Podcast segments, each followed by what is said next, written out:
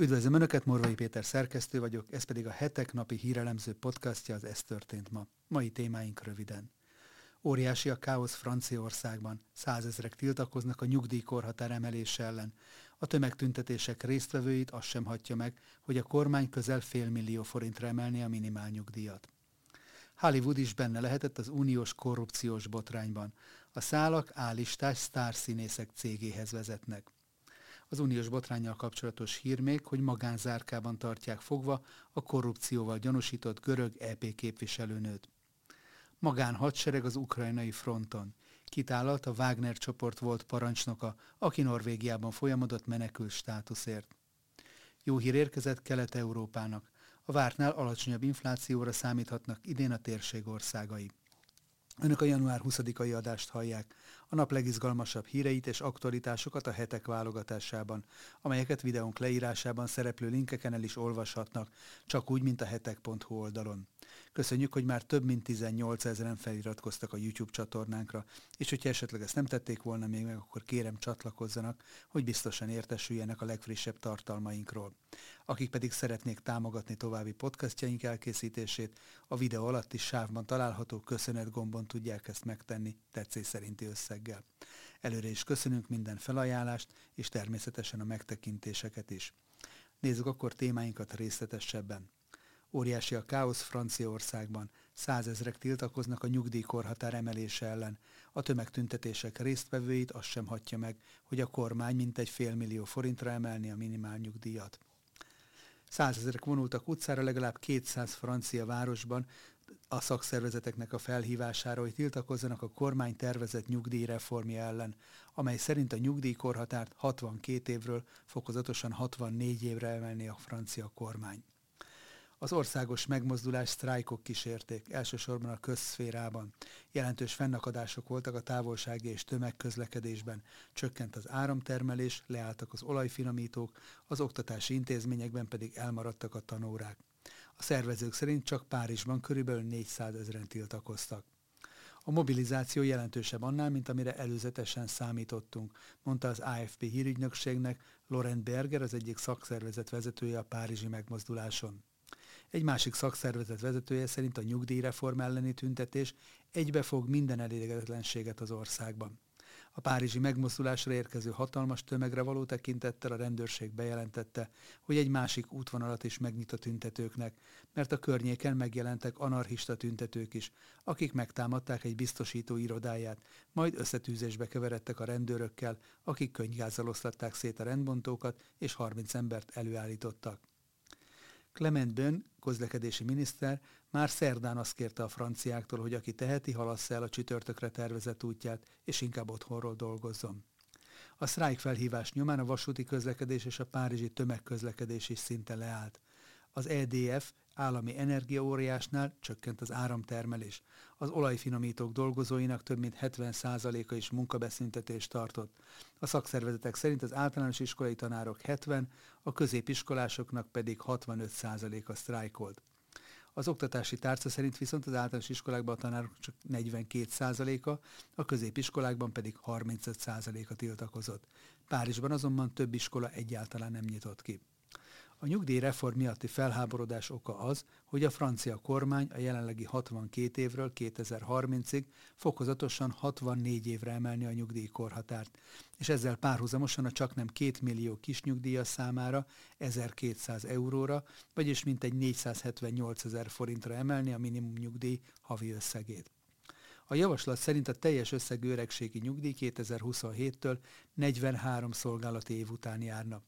Elizabeth Bon miniszterelnök szerint a reform célja az, hogy a nyugdíjrendszer egyensúlyba kerüljön 2030-ig, de utána, azon, utána azonban újabb változtatásokra lehet majd szükség. Az elmúlt három évtizedben több nagy nyugdíjreformot is elindítottak a francia kormányok a társadalom előregedésének és a nyugdíjkassa deficitessé válásának kompenzálására, és valamennyit óriási tiltakozó akciók kísérték. Franciaországban az egyik legalacsonyabb a nyugdíjkorhatár az Európai Unióban, de minden olyan kezdeményezés, amely az emelésre irányul, nagyon népszerűtlen az országban. A franciák 68%-a nem támogatja a javaslatot a közvéleménykutatók szerint. A nyugdíjreformot Emmanuel Macron államfő már az első mandátumát megelőző kampányban megígérte 2017-ben, majd a második mandátum a legfőbb intézkedésének harangozta be, de miután a törvénytervezet elfogadásához nem rendelkezik a parlamentben kellő többséggel, egy tartós tiltakozó megmozdulás a kormány helyzetét is megingathatja. Macron úgy reagált a franciák tiltakozására, hogy a kormány eltökélten és a felelősség szellemében folytatni kívánja a reformot. A nyugdíjreformot demokratikusan terjesztettük elő, az igazságos és felelős intézkedés, tette hozzá a francia elnök. A közvéleménynek január 10-én egy sajtótájékoztatón bemutatott javaslatot a kormány a január 23-ai ülésén vitatja majd meg. A törvénytervezetet január 30-ától vizsgálja a Nemzetgyűlés illetékes bizottsága, a plenáris ülés elé pedig február 6-án kerül majd vitára. Hollywood is benne lehetett az uniós korrupciós botrányban. A szálak állistás sztárszínészek cégéhez vezetnek. Kiderült, hogy az eddigieknél is szélesebb körben vesztegették meg az Európai Parlamentet érintő korrupciós ügy egyik gyanúsítottját, Eva Kaili volt képviselőt. Görög és belga sajtóértesülések szerint a belga hatóságok kiterjesztették a nyomozást a bűnszövetkezetben elkövetett pénzmosással vádolt Kaili ügyben, a gyanú szerint a volt EP alelnök nem csak Marokkótól és Katártól, hanem multinacionális vállalatoktól is elfogadott kenőpénzt politikai befolyásolásért és úgymond ügyintézésért cserébe. A brüsszeli ügyészség a napokban vizsgálatot indított az Ashton Kutcher és Demi Moore hollywoodi színészek tulajdonában lévő TON technológiai vállalat brüsszeli tevékenységével kapcsolatban. A gyanú szerint a cég egy leendő európai közbeszerzés megnyerése érdekében törvénytelen eszközöktől sem riadt vissza, és több baloldali európai politikust, köztük Eva Kailit is megvesztegette. Az újabb vesztegetési ügy mögött az Európai Bizottság által tavaly májusban közzétett jogszabálytervezet áll, amely szerint Brüsszel arra kötelezni a chat, e-mail és üzenetküldő szolgáltatókat, hogy aktívan kutassanak a felhasználóik beszélgetéseiben a szexuális gyermekbántalmazás szempontjából gyanúsnak vélt tartalmak után. A javaslat szerint ezt úgy érnék el, hogy az európaiak magánbeszélgetéseit folyamatosan monitoroznák. Az Ashton Kushner cége pedig rendelkezik ehhez egy erre alkalmas szoftverrel, amelyet évek óta igyekszik eladni Brüsszelnek. Az amerikai szoftver megvásárlása azonban elakadt az EU-ban biztonsági kockázatok miatt, mert szakértők szerint a szoftver nem elég intelligens ahhoz, hogy megfelelő szűrést végezzen. Ráadásul alkalmazásával amerikai kézbe kerülne az uniós polgárok magánlevelezése. Eston Kutcher már évek óta aktívan lobbizik az európai intézményeknél, hogy a cég szoftverét vásárolják meg. A legfrissebb információk szerint a belga nyomozók most vizsgálják az Éva Kaili által irányított baloldali politikusokból álló bűnszervezet, illetve az amerikai sztár cége közötti pénzmozgásokat. Az már kiderült, hogy Éva Kaili több alkalommal is személyesen tárgyalt Eston Kutcherrel az Európai Parlament épületében. Sőt, tavaly novemberben elintézett neki egy meghallgatást is, az EP vezető tisztviselőinek a részvételével. Személyesen intézkedett arról is, hogy az Európai Parlament élőben közvetítse weboldalán a programot. Belga lapok szerint példanélküli, hogy egy ilyen minden európai állampolgárt érintő ügybe bevonjanak egy amerikai állampolgárt. Eston Kutcher nyilvános meghallgatását már tavaly novemberben több európai lap is kellemetlennek és szégyen teljesnek érezte, és akkor arról írtak, hogy Kaili gyanús módon lobbizott a szoftver érdekében. A belga hatóságok azonban nem kizárólag Ashton Kutcher és Eva Kaili kapcsolatát vizsgálják, hanem a letartóztatott EP képviselő szerepét az úgynevezett chat control jogszabálytervezet népszerűsítésében. A vizsgálat valószínűleg több brüsszeli politikusra is kiterjed majd, és a belga hatóságok vizsgálni fogják, hogy kinek állhatott érdekében az európai polgárok magánéletét súlyosan sértő kezdeményezés népszerűsítése. Az uniós botrányjal kapcsolatos hír, hogy továbbra is magánzárkában tartják fogva a korrupcióval gyanúsított görög EP képviselőnőt. A belga ügyészség meghosszabbította az Európai Parlamentet érintő korrupciós ügy egyik gyanúsítottja, Éva Kaili volt görög szocialista képviselőnő fogvatartását. A szövetségi ügyészség elutasította a volt EP alelnök ügyvédeinek kérését, miszerint a volt képviselőnőt lássák el elektromos nyomkövetővel, majd engedjék szabadon. Az ügyészség úgy véli, hogy fennáll a szökés, a harmadik félel való összejátszás és a bizonyítékok megsemmisítésének kockázata, nyilatkozta a sajtónak Kaili egyik ügyvédje. A döntés értelmében a politikusnak még legalább egy hónapot vizsgálati fogságban kell töltenie, jogi képviselőinek pedig 24 órájuk van, hogy fellebbezzenek a döntés ellen. Éva Kailit, valamint három társát tavaly decemberben tartóztatták le a belga hatóságok egy korrupciós ügyben indított nyomozás részeként. Ahogyan arról beszámoltunk, a volt EP alelnök részleges beismerést tett és elmondása szerint arra utasította apját, hogy rejtse el otthonában a későbbi házkutatások során megtalált nagy mennyiségű készpénz egy részét. A politikus ügyvédei közölték, hogy a volt képviselő továbbra is tagadja az ellene felhozott vádakat. Azzal vádolták a belga igazságszolgáltatást, hogy Éva Kaili nehéz körülmények közt tartják fogva. Múlt héten több mint 16 órát kellett magánzárkában töltenie, és 23 hónapos gyermekét eddigi 6 hetes fogvatartása alatt csupán kétszer láthatta. Kaili élettársát, Francesco Giorgit is őrizetbe vették tavaly decemberben.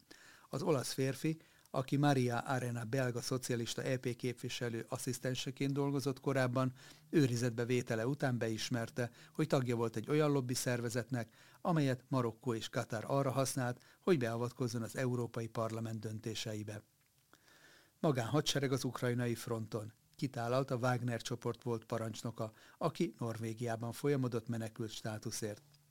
Andrei Medvegyev tavaly még a hírhet Wagner csoport tagja volt. Hónapokkal később azonban Norvégiába szökött, ahol újságíróknak elmondta, milyen szörnyűségeket tapasztalt az ukrajnai háború során.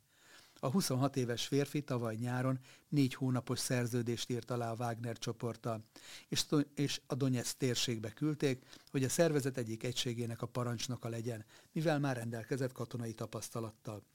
Évekkel korábban egy rövid ideig az orosz haderőben szolgált, de börtönbe került 2017-ben, nem tudni úgymond miért. A Wagner csoport orosz katonai magánvállalat, amely rendszeresen veti be külföldön az Oroszország számára fontos konfliktusok során a céggel leszerződött zsoldosokat. Az ukrajnai háborúban hónapokkal ezelőtt már orosz bűnözőket is bevetettek a csoport tagjaiként, hogy minél hatékonyabb módszerekkel nyomuljanak elő a háborús övezetben. Medvegyev beszámolója szerint hetente 30-40 új katona érkezett a Wagner csoportba az ukrán frontra, és sokan közülük egyenesen az orosz börtönökből jöttek. A férfi elmondása szerint szemtanúja volt több háborús bűncselekménynek is, például ahogy kivégezték a Wagner csoportból szökni próbáló dezertőröket, és Medvegyev állítólag azután döntött Ukrajna elhagyása mellett, hogy megtapasztalta az orosz zsoldosok terrorista módszereit. A fiatal férfi azzal szembesült tavaly novemberben, hogy hiába járt le a négy hónapos szerződése a Wagnerrel, egyoldalúan meghosszabbították a szerződését, ezzel elárulva érezte magát, és minél hamarabb távozni akart Ukrajnából. Medvegyebb azonban ahelyett, hogy rögtön egy biztonságos országba menekült volna, visszatért Oroszországba, ahol a Wagner egyik toborzó irodájában leakta a dögcéduláit, és ettől kezdve már az élete is veszélyben forgott, mert keresni kezdték a cég emberei, állítja. A volt katona először bujkált az országban, és a Gulagu elnevezésű orosz emberjogi szervezet segített neki megszökni. Amikor veszélyben forgott az élete, a barátja írt egy levelet a Galu- Galugnának és nekem, hogy segítsünk megmenteni Andrei életét.